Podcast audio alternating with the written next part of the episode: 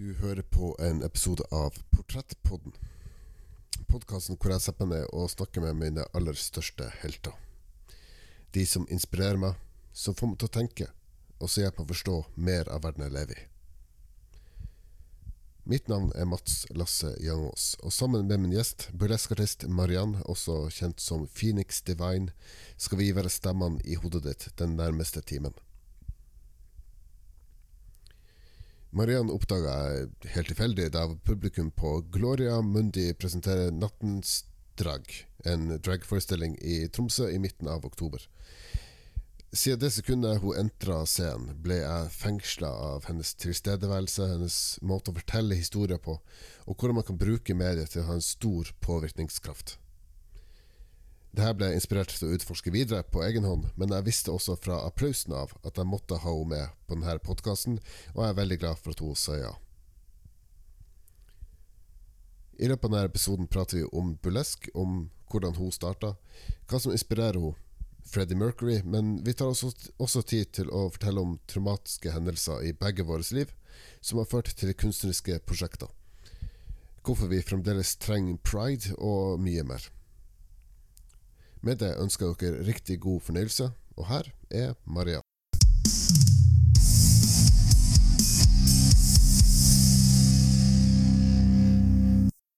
Du hører på Portrettpodden. Jeg sitter her med en av de kuleste artistene jeg vet om.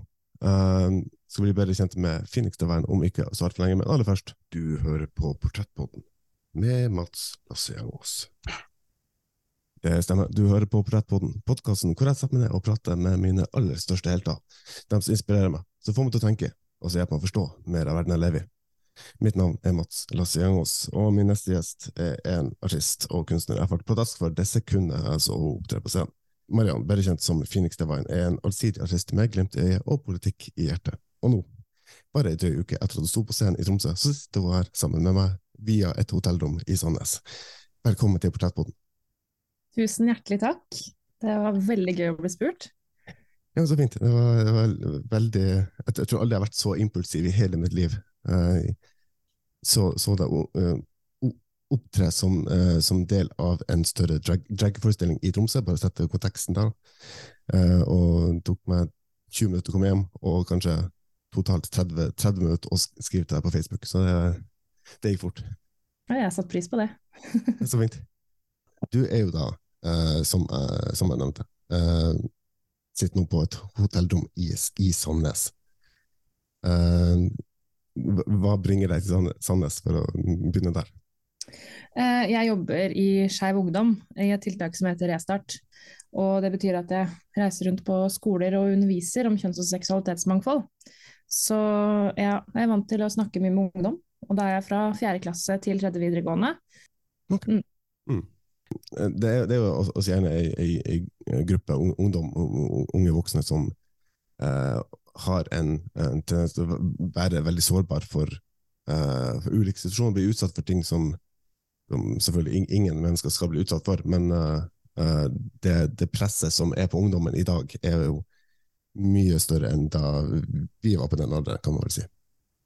Ja, altså det kan jo um, være det. Det kommer jo helt an på hvilket miljø man er i, vil jeg si. Men man har jo en ny faktor som er eh, sosiale medier, da. Som eh, er med på å gjøre livet Altså det kan gjøre livet morsommere, og det kan gjøre livet vanskeligere. Det at eh, sosiale medier er såpass såpass stor del av livet ditt fra du er så ung, da. Mm. Hva, hva, altså det, det um, mest givende med, med å um, gjennom det arbeidet og de, de møtene med, med ungdommer, hva er det som gir deg mest overskudd? da, kan man si? Eh, også det som jeg syns er mest givende, er jo hvis jeg kan se der og da at jeg har på en måte satt i gang noen tannhjul i hjernene på de jeg har undervist.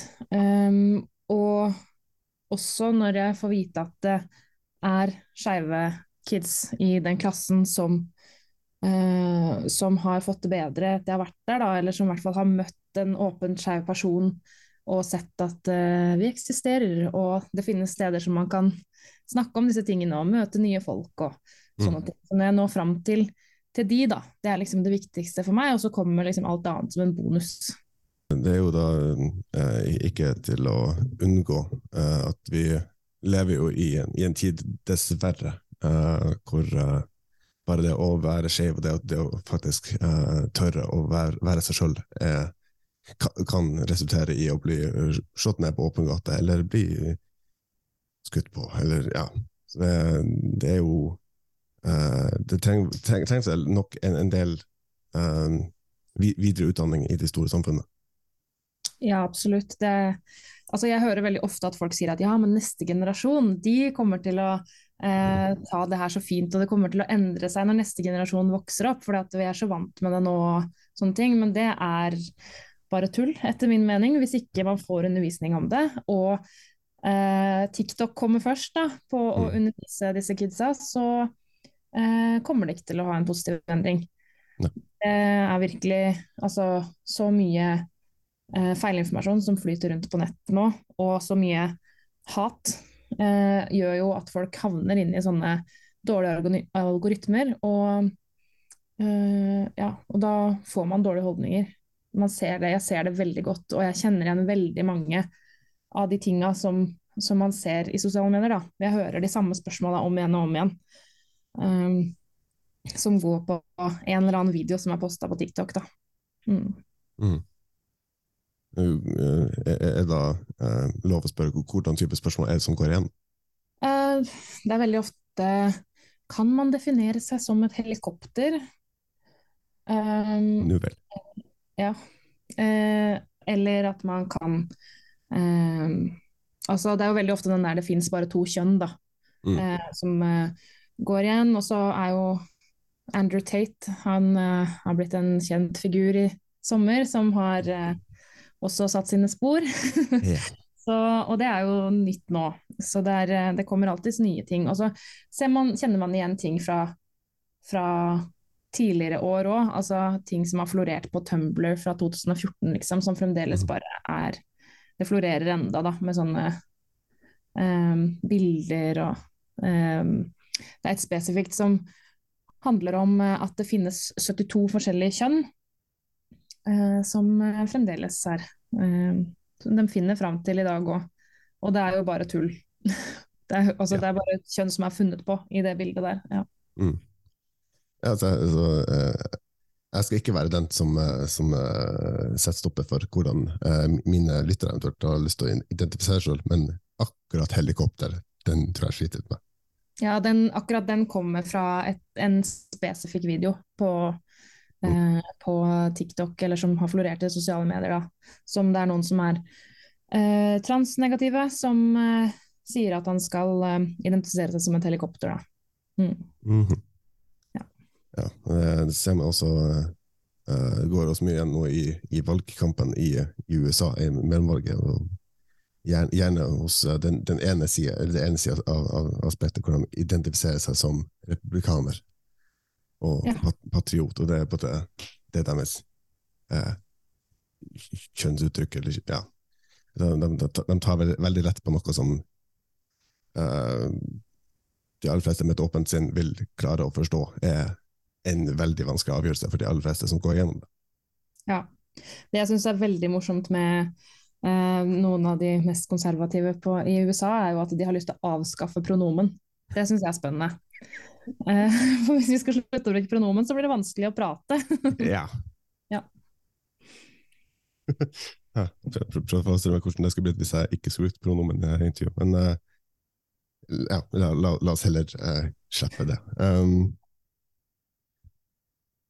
det, altså, også for at det sagt, altså, Vi er jo sånn noenlunde eh, like gammel, uten at man skal avsløre helt, helt nøyaktig. Men, eh, men bare går tilbake til det du sa innledningsvis. Altså, Foreldregenerasjonen vår sa jo selvfølgelig at ting skulle bli bedre når vi ble gamle og vi skulle lede landet. Og, og nå er det jo mange av oss som, som leder landet, enten, enten, det faktisk er på Stortinget eller via sosiale medier eller eh, andre måter av, å ha innflytelse på.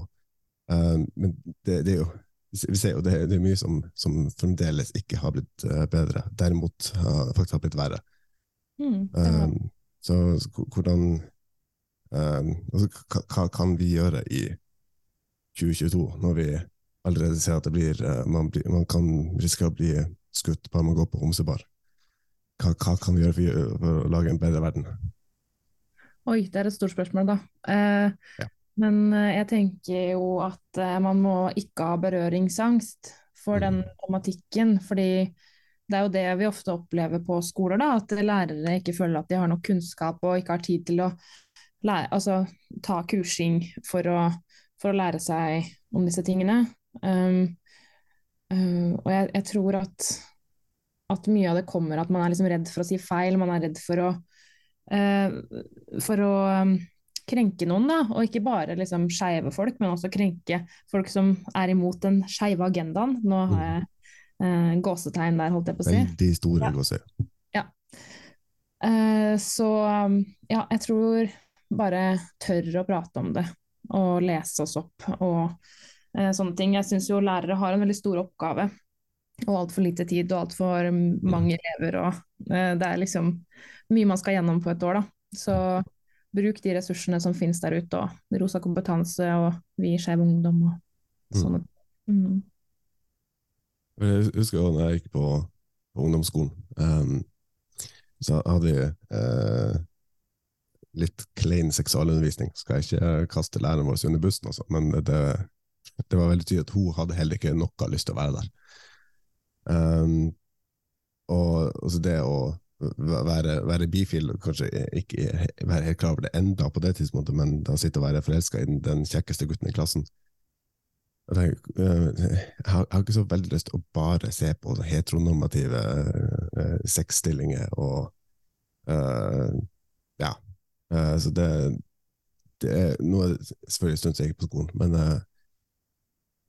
det er, det, er, mye sånn Det offentlige bildet på det er mye sånn Menn og kvinner de er det tradisjonelle ekteskap. Og, og gjerne når mye, mye holdningsarbeid starter allerede i skolen, så, så vi kanskje, må vi kanskje jobbe litt der òg, kanskje. Mm. Ja, og det er jo mange organisasjoner for eksempel, som, som har forskjellige undervisningsopplegg som, som inkluderer også skeiv seksualundervisning. Da. Mm. Um, men det kommer jo veldig an på hvilke lærere man har hvordan undervisning man får fremdeles. Selv om det står i læreplanen at man skal uh, lære om de her tingene, så mm. er det veldig på enkelt lærer, enkelte læreres uh, uh, initiativ, da. Mm. Og jeg òg hadde jo lignende seksualundervisning som deg. altså Vi lærte oss å ta på kondom på rød, en rød dildo, og så fant vi ut hvordan vi ikke skulle få kjønnssykdommer, og hvordan vi ikke skulle bli gravide, og så mm. var det liksom greit. At your age, you're going to be having a lot of urges. You're going to want to take off your clothes, and touch each other. But if you do touch each other, you will get chlamydia and die. Just don't do it, promise? Okay, everybody take some rubbers. Og så fikk vi ikke noe mer enn det, og så fikk vi kanskje Jeg husker at ordet homofil ble nevnt én gang, og da var det som en sånn bisetning sånn der Ja, så fins det jo noen som er homofile, da. Ja. ja. Og det var det. ja. Nå har vi inkludert de òg. Ja. Mm. Um, og jeg satt jo som en uh, Ja, nå snakker jeg fra eget liv, da. At mm. uh, jeg satt jo som en skeiv person i skapet og tenkte at det fantes nesten ingen som meg, og hvis det ble nevnt, så ble, var det alltid liksom med litt latter eller litt tull. Mm.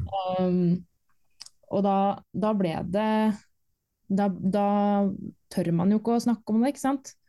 Aldri har vel samfunnet vårt vært så åpent for skeive slik det er nå. Likevel er homo, homse og jævla homse blant de skjellsordene norsk ungdom bruker oftest. Og slenguttrykket 'no homo' slenges ofte på slutten av en setning, ofte spøkefullt for å forhindre at noen skal tro at det man sa hadde en annen underliggende betydning. Man hører det på bussen, i skolegården, kanskje også hjemme. Ordet homse blir brukt til å trykke andre ned, og det blir ofte brukt i en negativ kontekst for å beskrive andre mennesker. Skeive.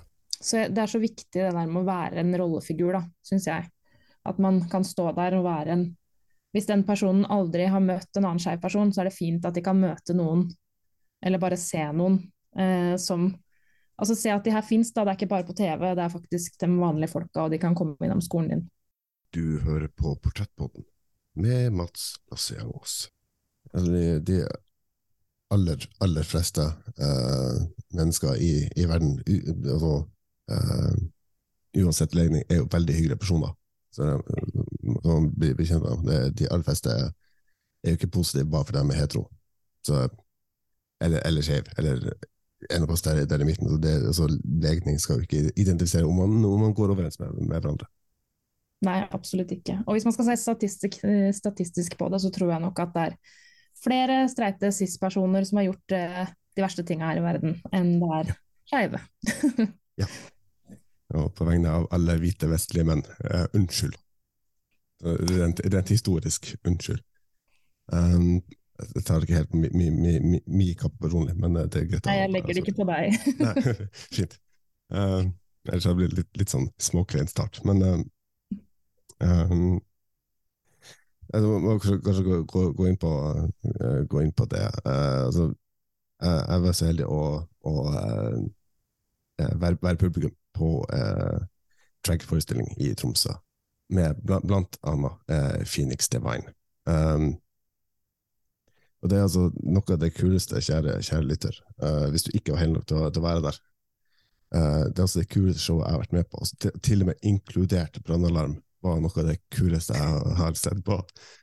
Uh, jeg syns veldig synd på dere med, med veldig tynne eh, eh, kostymer på som sto ute i, i Tromsø-høsten og, og venta i en halvtime før jeg slapp inn igjen, men eh, det var veldig fint show. Ja, takk for det. Ja. Det var veldig gøy med den brannalarmen, jeg må være enig i det.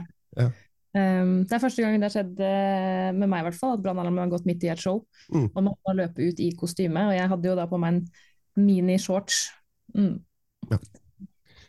Du, du hadde min, min aller dypeste medfølelse, om ikke annet. Det var veldig koselig òg, da. Det var så fint. Det ble som en gjeng med pingviner som flokka seg sammen for å holde varmen. ja. tror- jeg tror jeg har blitt, blitt, så, så fort uh, uh, begeistra og, og, og eh, imponert over noen på scenen uh, som deg. Og det er ikke for å blow smoke up your ass, som man sier på godt norsk, men, men det er altså, altså når jeg har jeg tror tror de fleste som, som, som hører på, eh, kjenner, kjenner min historie. for Jeg forteller den ofte nok, men eh, jeg har eh, nylig hatt premiere på en eh, kort dokumentarfilm eh, om voldtekt, eh, hvor jeg intervjuer min egen overgriper. Ok, det visste ikke jeg. Nei, Nei. eh, eh, det, det glemte jeg å nevne før jeg skrudde på. Um, og, det, altså, og da dagen etter premieren så sitter jeg i eh, mørk Storgata camping midt i Tromsø sentrum og ser da Phoenix Divine som Freddie Mercury.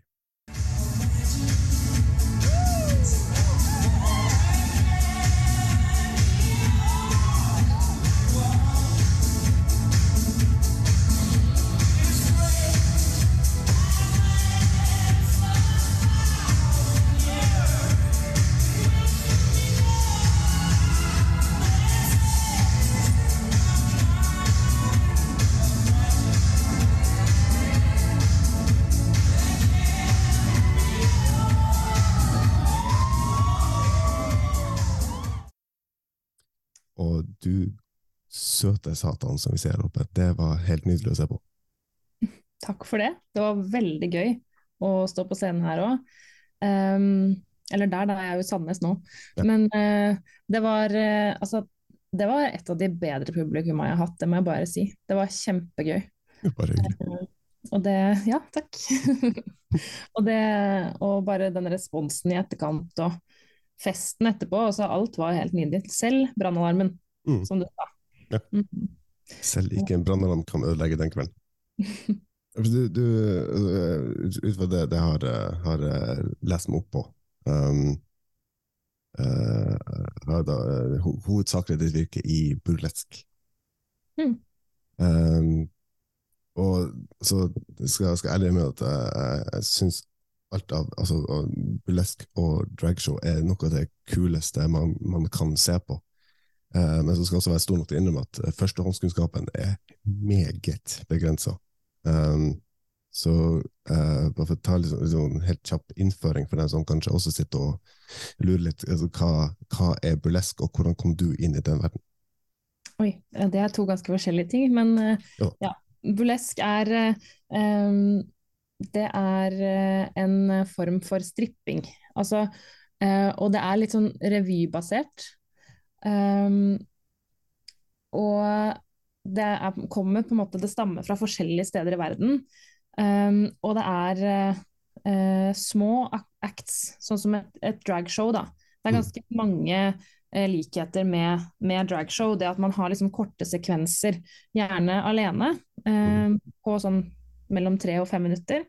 Uh, forskjellen er jo at i burlesk så inneholder det ofte stripping. Og da ender man ofte i eh, Altså uten bh, men med sånne puppedusker Mm. eh, og truse, da. Man, noen går lenger enn det òg, og noen tar ikke av seg alt, liksom. Mm. Eh, og det er helt greit, men det er et element av stripping der, da. Mm. Så er uh, en annen forskjell fra dragscenen er også at uh, burlesk er i hovedsak kvinnedominert, uh, og ble starta av kvinner, mens dragscenen er mer mannsdominert. Mm. Så det er litt av, av forskjellen, da. Og så er burlesk uh, veldig sånn inspirert av 50-tallet, vil jeg si den burlesken som vi ser i dag, er veldig sånn um, Det er litt sånn 50s striptease, Mm. uh, kan det være. Uh, og så er det, det er, det er forskjellige former, da. Um, så den på en måte mer klassiske formen, som er den stripteasen, uh, det er gjerne en danseact. Og så har man fint kostyme, og så gjør man et dansenummer. Um, og så er det det som kalles for neobulesk, som har litt mer sånn historiefortelling, da. Mm. Uh, og det er det som jeg driver med. Jeg er, mer, jeg er ikke danser. Um, jeg er mer uh, skuespiller eller teaterperson. Mm. Um, og liker at det liksom er en storyline i, i mine acts, da. Mer enn at det bare skal være stripping. Men det er stripping der også. Um, men uh, det er ikke det som på en måte er hovedstoryen. Nei. Jeg håper det forklarte deg greit. Jo da, gjorde det. Ja. Uh, så jeg går til det, litt eh, andre uh, store spørsmål som kanskje er litt vanskelig å svare på. Men hvordan kom du da inn, inn i, inn i burlesk? Ja, nei, det, det er ikke så vanskelig, for jeg visste ikke hva jeg gikk til. Uh, Nei, okay. Jeg begynte bare på et kurs Mm. da jeg var, jeg, jeg var 19. Eh, begynte på noe som het et burleskkurs, og så tenkte jeg at ja, dansekurs, da. Mm. Og så kom jeg dit, og så viste det seg at der skulle vi jo strippe. Ja. Og enda opp i puppedusker. Og jeg bare Mm. oi! Og da, på den, i den perioden i livet mitt, så um, var jeg veldig på slankeren, og veldig sånn uh, fokusert på, på liksom kaloritelling og sånn. Mm. Um, jeg fikk aldri uh, diagnosen spiseforstyrrelse, men man kan på en måte Det var ikke noe gøy å være med meg da, fordi at uh, jeg tenkte bare på mat hele tiden. Mm. Og hvordan jeg på en måte kunne holde um, holde vekta eller gå ned da. Så det var veldig sånn dårlig tid i livet mitt. Jeg hadde akkurat mista et familiemedlem og var veldig Akkurat mista et familiemedlem og akkurat kommet ut av skapet til familie og venner, så det var en veldig sånn rar periode i livet mitt. Um, og så det her kalorigreiene, da. Og så begynte jeg på dette kurset. Uh, og der var det jo folk av alle forskjellige størrelser og former og farger og, og sånne ting. Og jeg var den yngste der. Um, og så var det så befriende. Det var liksom bygd opp sånn at det, vi hadde mange kurskvelder, og så strippa vi mer og mer for hver kveld. Og den siste så strippa vi BH-en. Og jeg var kjempestressa for det. Ja. Eh, fordi jeg tenkte at herregud, skal folk se meg naken? Jeg turte jo ikke å vise meg naken for kjæresten min en gang omtrent. Mm. Og så gjorde jeg det, og så var det noe av det mest befriende følelsen jeg noen gang har kjent på. Det å stå i et rom der liksom det er masse forskjellige kropper, og alle bare liksom digger og danser og har det gøy. Um, og så ba jeg en av de andre med på en kaffe. Um, og så uh, Det er uh, Karina Karlsen, eller Fifi Fantassel, som hun heter uh, på scenen. Uh, og så danna vi, pluss en annen, en trio, som etter hvert ble bare en duo med meg og Karina. Mm. Um, Fifi, eller Fifi, da. Og så fortsatte vi, og bare var med på show. Hun begynte å produsere. Jeg flytta til Kristiansand og tok dramastudiet, og så kom jeg tilbake igjen til Oslo. Så nå, nå er vi her. Ja, det må, må jo eh, eller, eh, meg i, i at det må, være eh, ek, ekstremt befriende hvis- man da i tillegg er i en sånn situasjon og et, et, et headspace, og da å kunne bare slippe seg løs og bli, bli akseptert og, og hylla for den, den man er, uansett hvordan man ser ut. Mm. Uh, jeg tenker også, kanskje det, det, å, det at man kan ta det gradvis òg, at man, du står ikke kliss naken uh, første kvelden når du kommer inn, liksom. Eh, så eh, hva mm, som, skal eh, leverage det til et, eh, til et spørsmål som kan, kan ha nytte for dem som hører på. Så, hvordan, hvordan kommer man inn i burlesk, og hva er de, de største tipsene du har da, for å eh, starte en burlesk karriere? Altså, hvis man har karrieren i, eh, i eh, hovedfokus, så vil jeg bare si at eh, man tjener ikke noe særlig penger på det. Så man, det er ikke noe man kan leve av i Norge i dag. Det er kanskje Ja. noen som lever sånn delvis av det. Eh, så det er litt sånn hobby med noen ganger godt betalt og noen ganger litt dårligere betalt. Eh, men jeg tenker at hvis man, eller, hvis man har blitt forelska i den type scenekunst, så tenker jeg bare at det er å prøve. Man må man kan f.eks. ta kontakt med noen som er etablerte, og høre hvordan tips de har eh, eh, til hvilke scener man kan stå på, f.eks. Men jeg tenker det å lage et eh, forløp, da, en liten fire minutters act, Mm. Um, og så bare si at jeg har den acten, jeg er nybegynner, jeg vil gjerne ha en scene å stå på, og så får du en scene å stå på. Ja. Uh, og så finnes det uh, Facebook-grupper som man kan være med på, så det er en som heter Norsk Burlesk Forum. Um, og der legges det ut uh, mye info om show. Og så tenker jeg dra på show og se. Mm. Se hvordan det gjøres. Um, det er ikke rocket science, men man må ha en, en driv da, for å, for å kunne drive med det. Ja. Ja, det, det, det, det er kanskje ikke rocket science, men uh, jeg tror hvis, eh, hvis både jeg, jeg og, og du hadde hatt uh, gått ut som Freddie Mercury, så tror jeg i hvert fall en av oss hadde fått litt større oppmerksomhet og litt mer jubel enn den andre.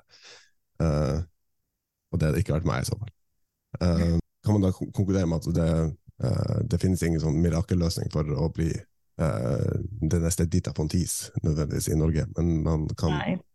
man må egentlig bare, bare komme seg ut i det og bare uh, gi det man har, og prøve, prøve å være kreativ og skape og make connections. Og, Ja, jeg tenker jo at det, det fins kurs. Altså det fins Mm. fremdeles og det er uh, en, en god start uh, Hva heter det?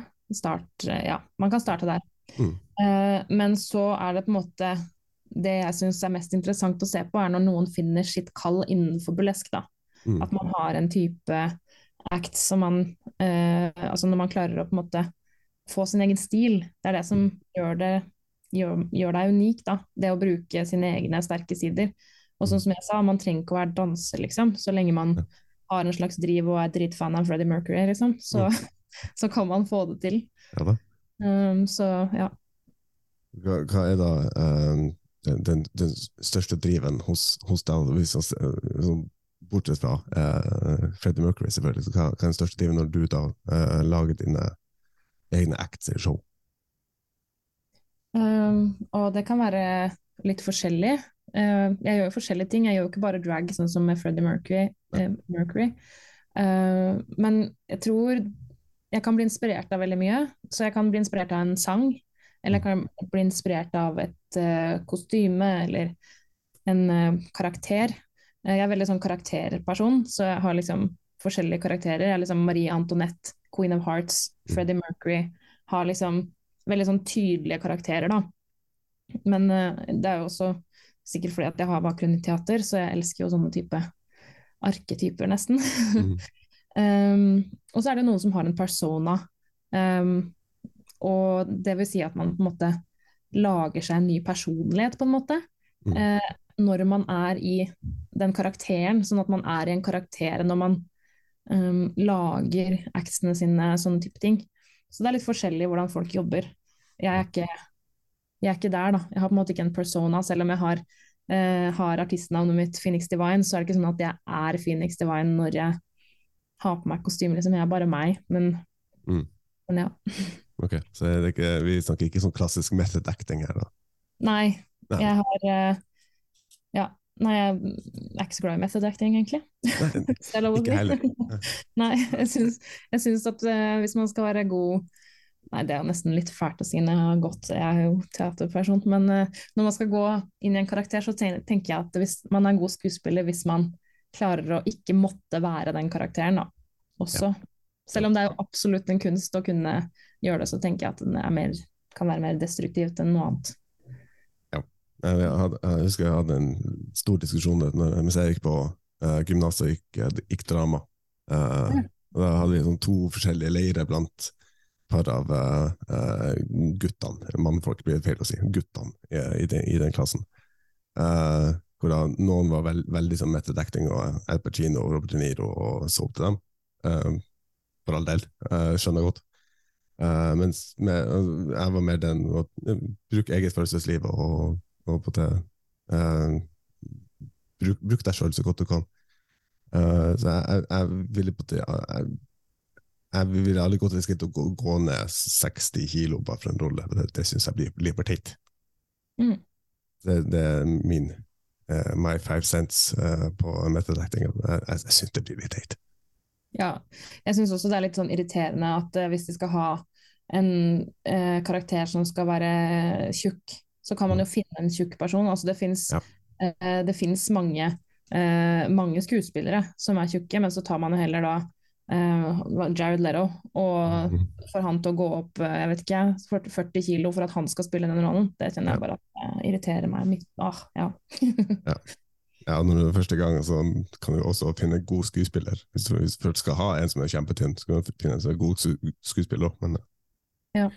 Ikke, jeg skal ikke prate skit om Jared Leto, jeg tror ikke han blir hørt på, men man skal være litt høflig med folk man ikke kjenner. Ja. jeg var superfan av Jared Leto i tenåra. Ja. ja. Third Seconds to Mars.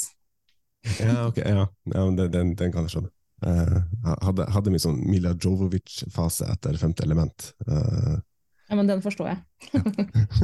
vi har en uh, felles forståelse her, jeg kjenner. Du hører på Portrettpodden med Mats Lasse Ok, så den, den starten i, i Burlesk var litt tilfeldig, kan man, kan man, kanskje si. Du, du begynner bare på, på, på, et kurs, og så, så utvikler seg, seg derfra. Men uh, hva er den største uh, innflytelsen eller inspirasjonen som gjør at du, du fortsetter å, å, lage nye show og eksperimentere med kjønnsuttrykk og politikk, og, og den, altså den, den, kjærligheten som, som, pøser ut av deg når du er på scenen. Hvor, hvor, hvor henter du den inspirasjonen fra? Uh, jeg kan hente mye inspirasjon fra uh, meg sjøl. Mm. Uh, altså, jeg lager jo acts som på en måte gjenspeiler mitt liv mye. Mm.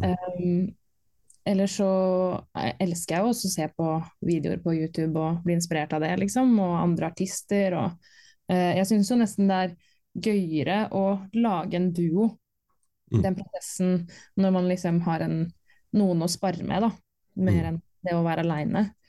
Um, men da, når man lager sånne acts, så binder man seg jo til et annet menneske. Ikke sant? Så da ja. det er litt enklere hvis man skal få flere gigs og, og være alene.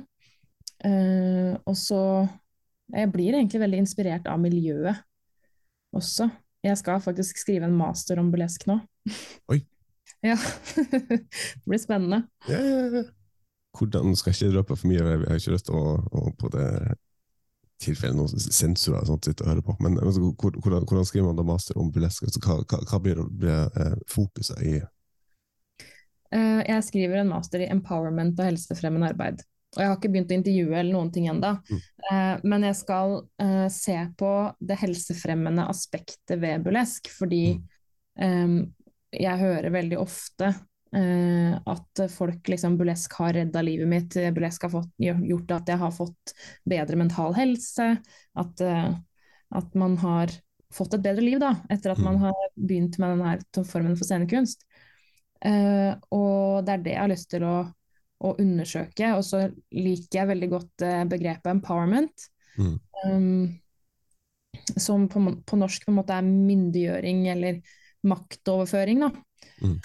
Uh, og det ordet brukes veldig ofte for å beskrive liksom burlesk. Når noen snakker om at det er så empowering, det er mm. empowering å se på, det er empowering å gjøre burlesk, og så er jeg litt sånn spent, eller litt sånn nysgjerrig på, på hva man legger i det, da. Mm. Hva er det man faktisk Hva er det som gjør at det er empowering og sånne ting. Så jeg skal intervjue folk, da.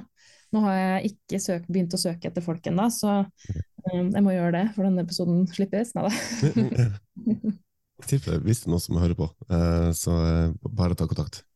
Ja, det skal være burleskartister, da. Så utøvere. Eh, Vel å merke, hvis du er burleskartist og Ja. hører på, ta kontakt. Ja. Mm.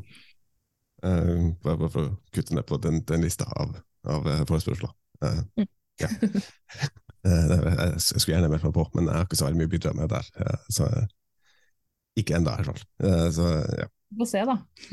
ja altså, et time, will show. Hvem, hvem vet, kanskje ende opp på en burlesk scene en dag, en dag i framtida.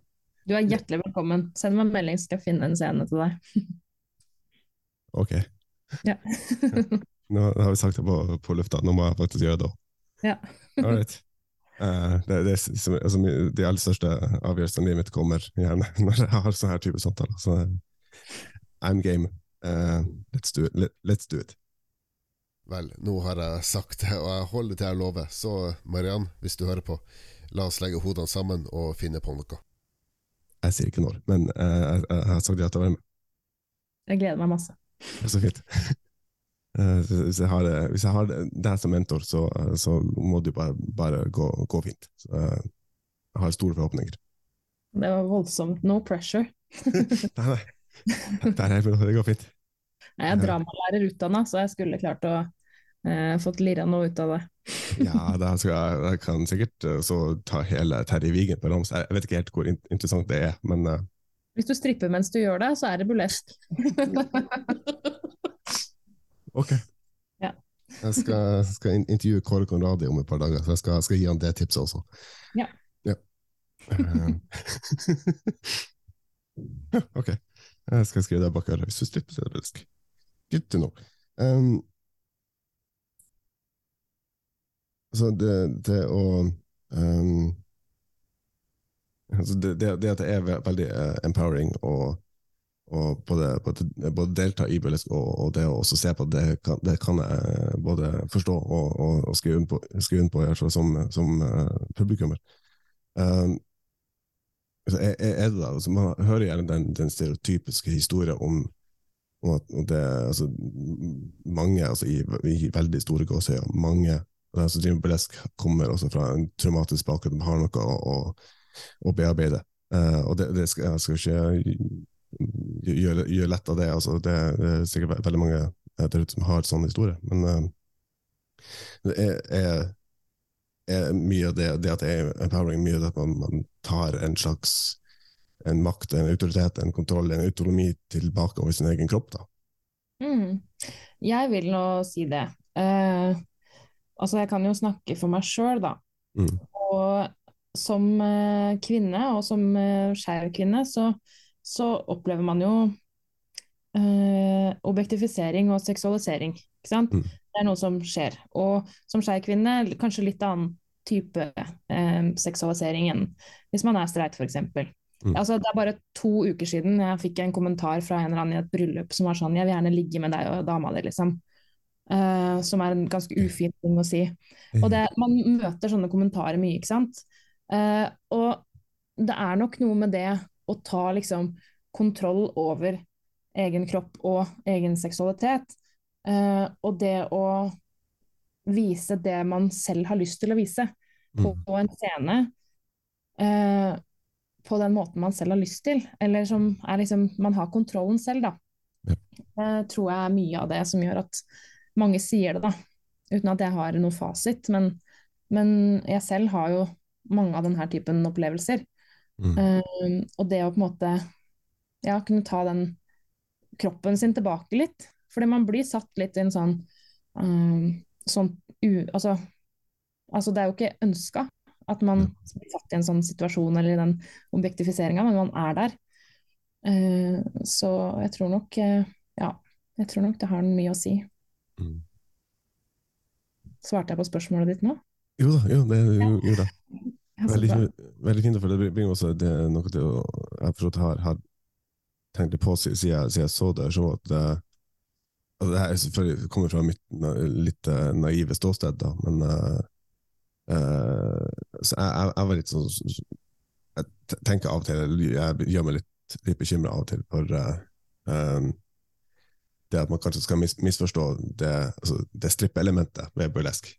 Mm. at eh, når Mariann går på scenen, så er det strippershow. Det er jo ikke det er et, et element av det, men du er ikke der for, for å få kasta hundrelapper etter deg og, og på det bli satt i en veldig seksualisert eh, setting eh, uten at du har bestemt det sjøl.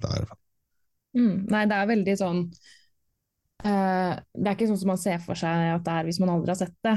Eh, på en måte. Og når man hører ordet stripping, så tenker man jo gjerne strippeklubb og noen som deiger seg til for at en mann skal synes det er digg, liksom. Um, og da tror jeg du blir skuffa, hvis det er det du forventer når du kommer på et burlesque-show, fordi det er ikke det du får. Um, du får gjerne Altså, jeg kan jo putte det inn i kontekst. Når jeg var på scenen der, i hvert fall på act nummer to, så har jeg på meg eh, ganske lite klær, men Mm. eh, er kledd som en dame, har en dames kropp, og så har jeg bart og ligner på Freddie Mercury. Ja. Um, så det er noe som er liksom den brytinga med normer, da.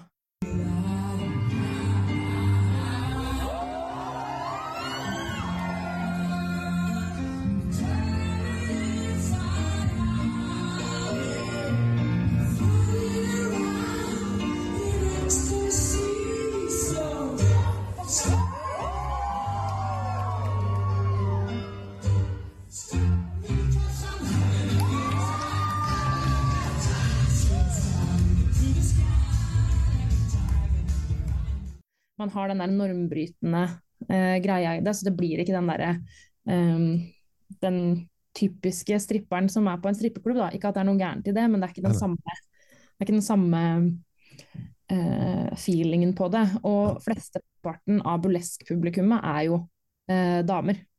Mm. Eh, det er, eh, og når det er menn der, så er det gjerne fordi at de er der med dama si, eller så er de skeive. Altså, Mm. altså, selvsagt er det streite, streite cis-menn som, som ser på burlesk også, men um, det er ikke flertallet. Nei. Så det er liksom mye mer sånn eh, ja, det, det er bare flere damer som ser på det, rett og slett. Mm. Og det, det, det er også på det, jeg tenker tilbake til det eh, eh, showet ditt i, i Tromsø. Det, igjen det her altså mitt naive ståsted, og, og eh, selvfølgelig også eh, 100 positivt ment.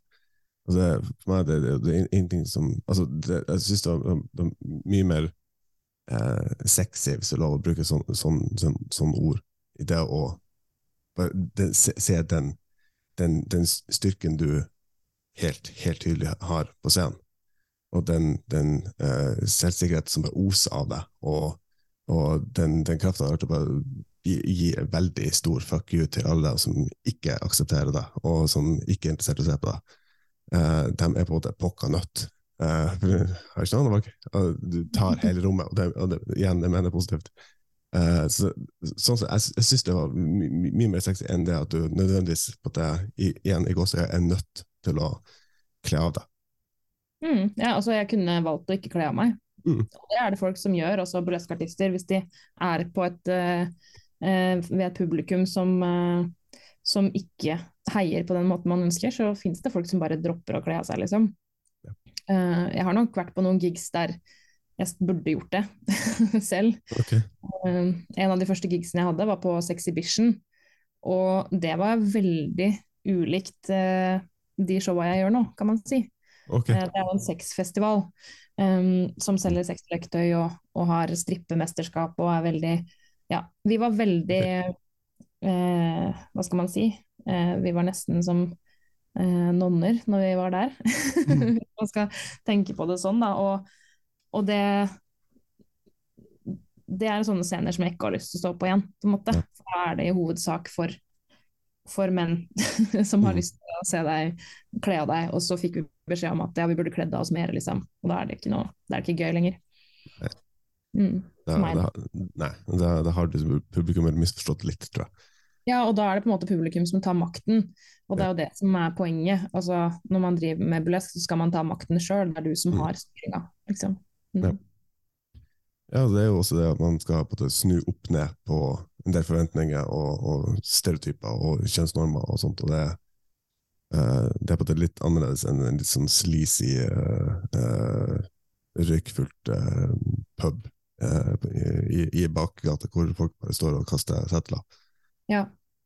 Altså, each to their own. Jeg skal ikke dømme noen, altså, men eh, det, eh, det er viss, viss forskjell, altså. Ja, men hvis man skal tjene penger på stripping, så er det det man burde gjøre. Ja, ok. Ja. Og ikke burlesk. okay. You heard it here first. Jo da, det er, eh, det er eh, man, kan, man kan tjene penger på burlesk også, det er ikke det. Men det, det er ikke noe som er på en måte veldig lukrativt, hvis man skal Ja. Nei, ok.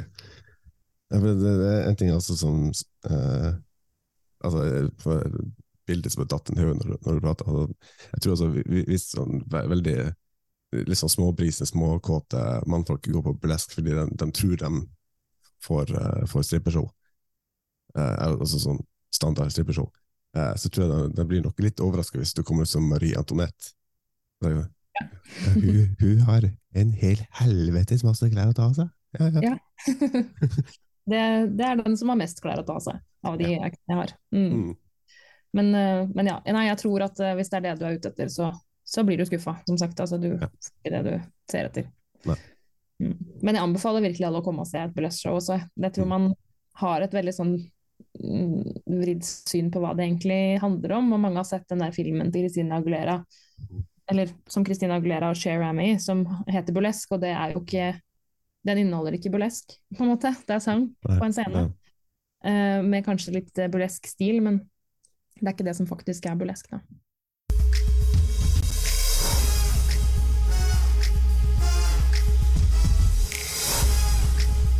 You are putting on your makeup, it's like you're an artist.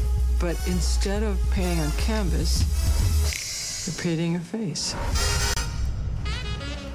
Jeg, syns ikke den er god nok til å regne som musikal heller. Så, eh, Nei, den er ganske dårlig, syns jeg, da. Men, ja. men jeg har hørt mye om den. ja, det, det, det vil jeg tro. ja. Ja, for det, det er jo gjerne det, som, det som dukker opp hvis man googler burlesk, eh, så kommer, det, kommer den. Ja. Uh, ja. Uh, jeg har sett den. Eh, jeg trenger ikke å se den flere ganger, men jeg har sett den. Um, ja, jeg har det òg. ja. Jeg har hørte en annen podkast jeg var, var med på uh, når jeg gjorde research.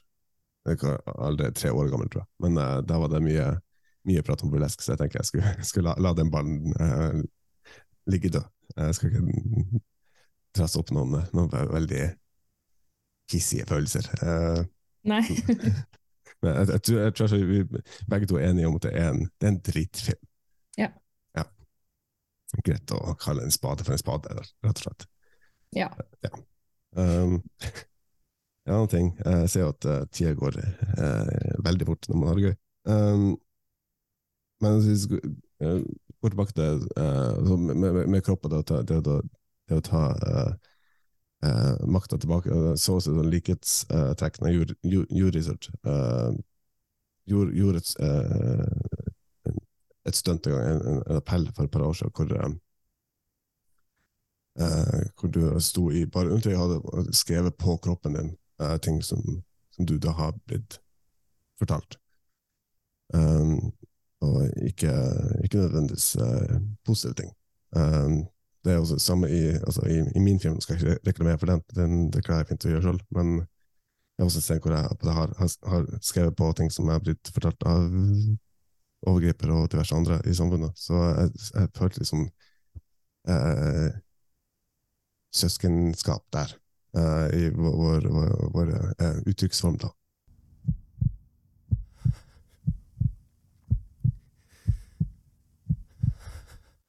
Det er meg.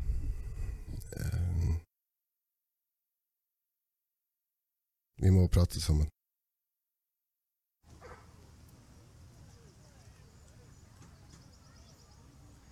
Hvorfor gjorde du det?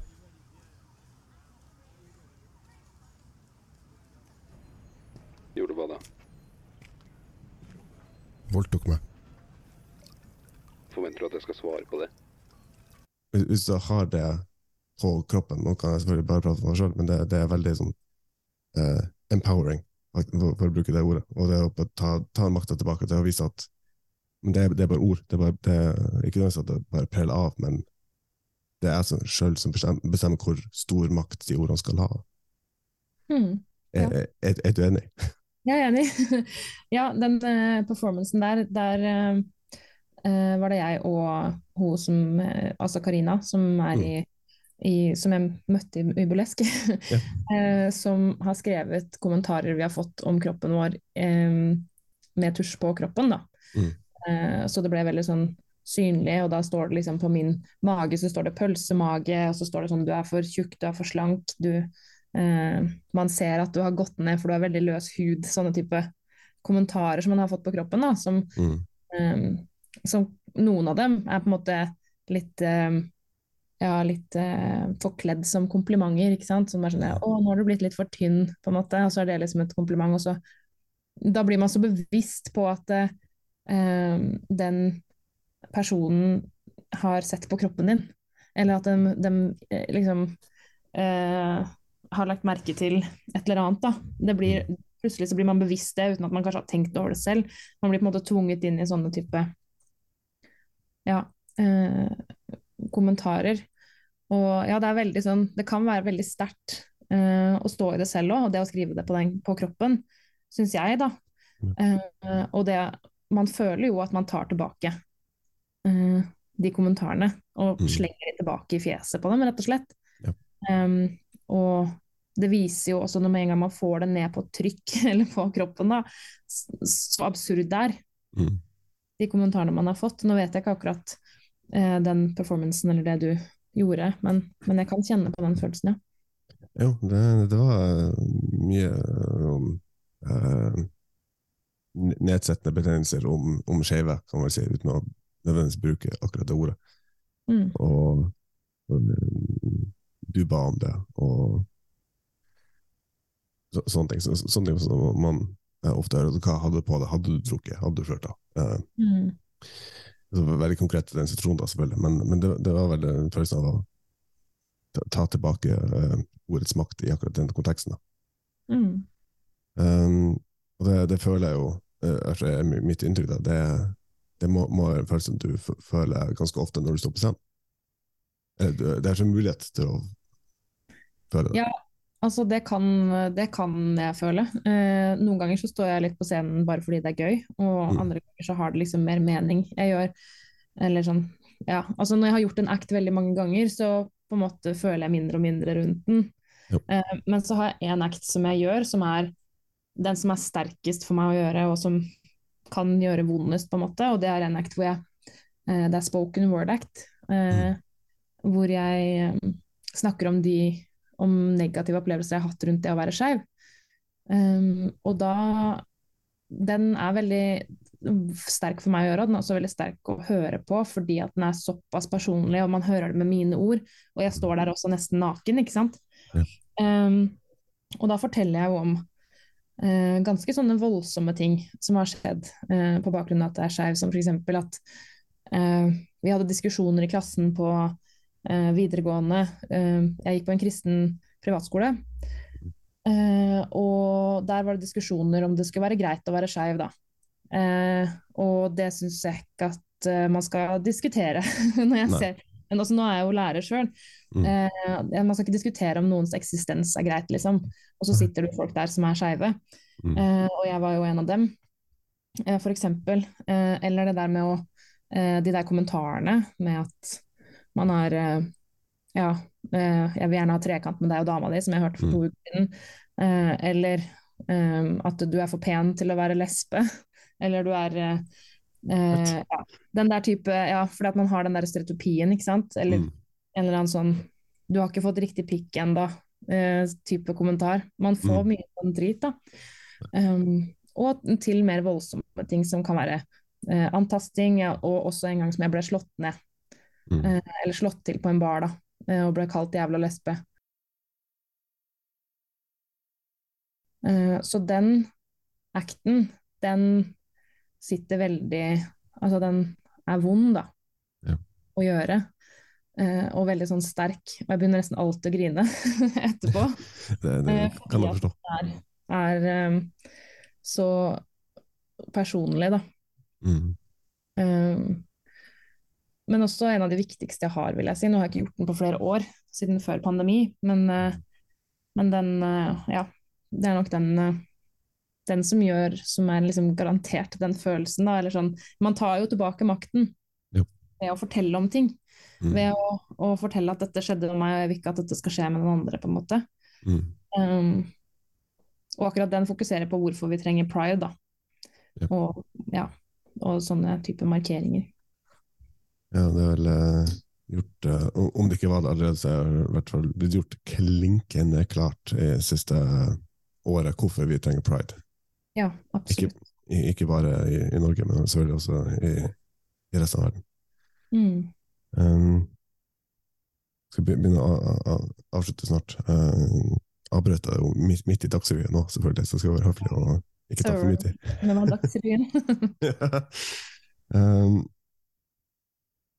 det er mange som eh, altså, dem jeg har uh, pratet med, dem jeg kjenner som på at det går under eh, artistnavn, eh, vil kanskje eh, se på det som eh, kanskje litt, litt veldig personlig spørsmål, så du får bare eh, be om å ryke og reise hvis, det- hvis det er tilfellet. Men, men eh, hvor kom navnet Phoenix Divine fra? For, for Phoenix er så historisk, mytologisk, er det en fugl som, som, som gjenreiser seg fra, fra asken. Ja, det er et godt spørsmål. Eh, altså, Divine kommer fra Divine, som er en drag queen fra, som var kjent på 80-tallet. Mm. Eh, som man burde google hvis man ikke kan noe om drag. Jeg skal spare dere for googlinga med å si at Divine var en dragartist som bidro i flere filmer, blant annet. Og et eksempel er kultfilmen Pink Flamingos fra 1972.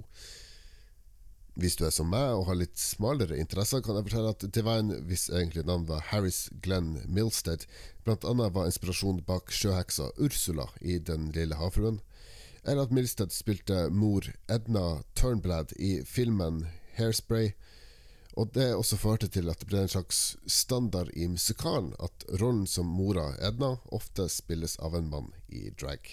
Også Phoenixen, eh, det kommer egentlig fra en tatovering som jeg har. Ah, ok. Jeg har en Phoenix tatovert på meg, eh, som er en minnetatovering.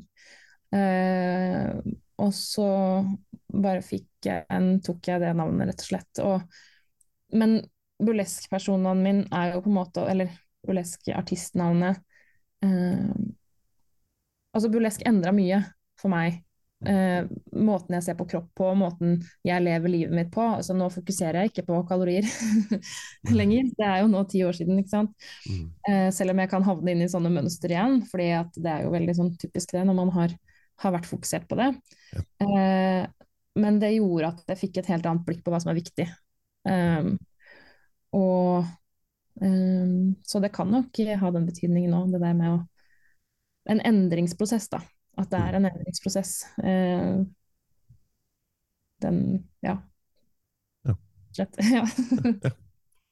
Ja, men da, da har jeg en plan. Jeg skal eh, eh, presentere Terje Wigen fritt etter hukommelsen mens jeg stripper, og kaller meg for Frankenstein, tydeligvis, hvis jeg følger den oppskrifta. ja. Det- Gjør det. Ja. Nå har jeg begynt å tatovere eh, aktene mine, da. Så nå har jeg faktisk flere tatovert på armen, pluss eh, Marie Antoinette og Queen of. Hearts. Og litt sånn. Nice. Nå går det andre veien igjen. det gir og det tar. Ja. Um, eh, helt avslutningsvis, før, eh, før vi skrur av. Uh, hvor, uh, hvor og når er neste show, og hvor kan, kan publikum finne det? Oh, eh, neste show er i Oslo, på Elsker, den 11. og 12. november. Og da er det juleshow, som jeg har sammen med fire andre, eh, som er eh, gamle travere i drag- og burlesk-miljøet. Mhm. Eh, og det blir veldig gøy. Jeg gleder meg skikkelig. Det er, det er veldig gøy fordi jeg er med i hele produksjonen. Jeg er Mhm. liksom med på å lage hele showet, da, og jeg produserer jo show også. Um, så, men der er det veldig sånn Det er flat struktur, så alle er med på å produsere det showet, så det blir stas. Da skal jeg være Jesus. Ja vel. Ja. Eh, Mel uten bart. Ja. Jeg kan også komme med en teaser. Jeg skal være um, Hva heter den igjen? Nå har jeg glemt. Den fra Wham. Last Christmas. Eh, George Michael. George Michael, ja. Mhm. Og uh, et par andre hyggelige julesanger kommer. Nice. Ja. Eh, Der har du din store oppfordring, eh, kjære, kjære lytter. Jeg skal faen meg vurdere å beklage språkbruken, jeg skal faen meg vurdere å ta fly fly ned til Oslo. Ens ærend for å se det. altså. Eh, hvis jeg kan få Jesus og George Michael i samme, samme kveld, da, da Det må man ikke gå glipp av. Altså. Det, det skjer ikke så ofte. Eh, eh, Jesus, Litt sånn småalvorlige spørsmål helt slutt. Altså. Eh, Jesus mer uten bart? Med bart. Selvsagt. Ja, ok. ja. Jeg skal også være han på halloween. Åh, nice. Jeg skal være Pennywise på halloween. Så, Oh, det blir gøy. ja, det blir veldig gøy. Ja. Jeg, får betalt for å skremme folk, så det, blir gøy. Oh. Ja. hva er det, i hvilken setting? Nei, jeg ble, hyret inn av, eh, av eh, kinoen. Eh. Jeg var med, var med tidlig når filmene kom. Uh, ta på meg kostyme og sminke meg, og springe rundt og skremme folk. Og, eh, spesielt storesøstera mi, hvis hun kommer. Eh, altså, det, jeg er veldig glad i henne. Jeg er veldig glad i hele familien min. Men å høre henne skrike i angst, det er den deiligste eh, lyden jeg har hørt i hele mitt liv. Altså. Det er veldig gøy. Jeg får ikke like mye applaus, kanskje, men, eh, men det, det er like givende. Men skrik er det samme. Ja, det, det, det er altså uh, how- uh, What sweet music they make, som, som de sier. Mm. Ja. Eh, Mariann, uh, aka uh, Phoenix Divine. Uh, det har vært en, en, en sann fryd at du var med i denne episoden av Portrettpodden. Eh, tusen takk for at du tok deg, tok deg tid til å være med. Tusen takk for at jeg ble invitert. Det var jo kjempestas. Ja, bare hyggelig. Du har hørt på en episode av Portrettpodden. Podkasten med meg, Mats Lasse Jangås. Og min gjest i denne episoden var Mariann, eller Phoenix Divine. Min takk til Mariann for at hun tok seg tid til å være med i denne episoden. Og takk til deg som hørte på. I løpet av denne episoden har du hørt klipp fra bl.a. filmene Mean Girls og Burlesque, samt private opptak fra dragshowet i Tromsø, Glåre Mundi presenterer Nattens drag. Opptakene er gjort av Tine Sem, og alle rettighetene tilhører henne. Alle lydklipp er benytta i en redaksjonell kontekst og faller under sitatrett. Portrettpodden arbeider i henhold til Vær varsom-plakatens regler for god presseskikk. Takk for at nettopp du hørte på, og vi høres snart igjen.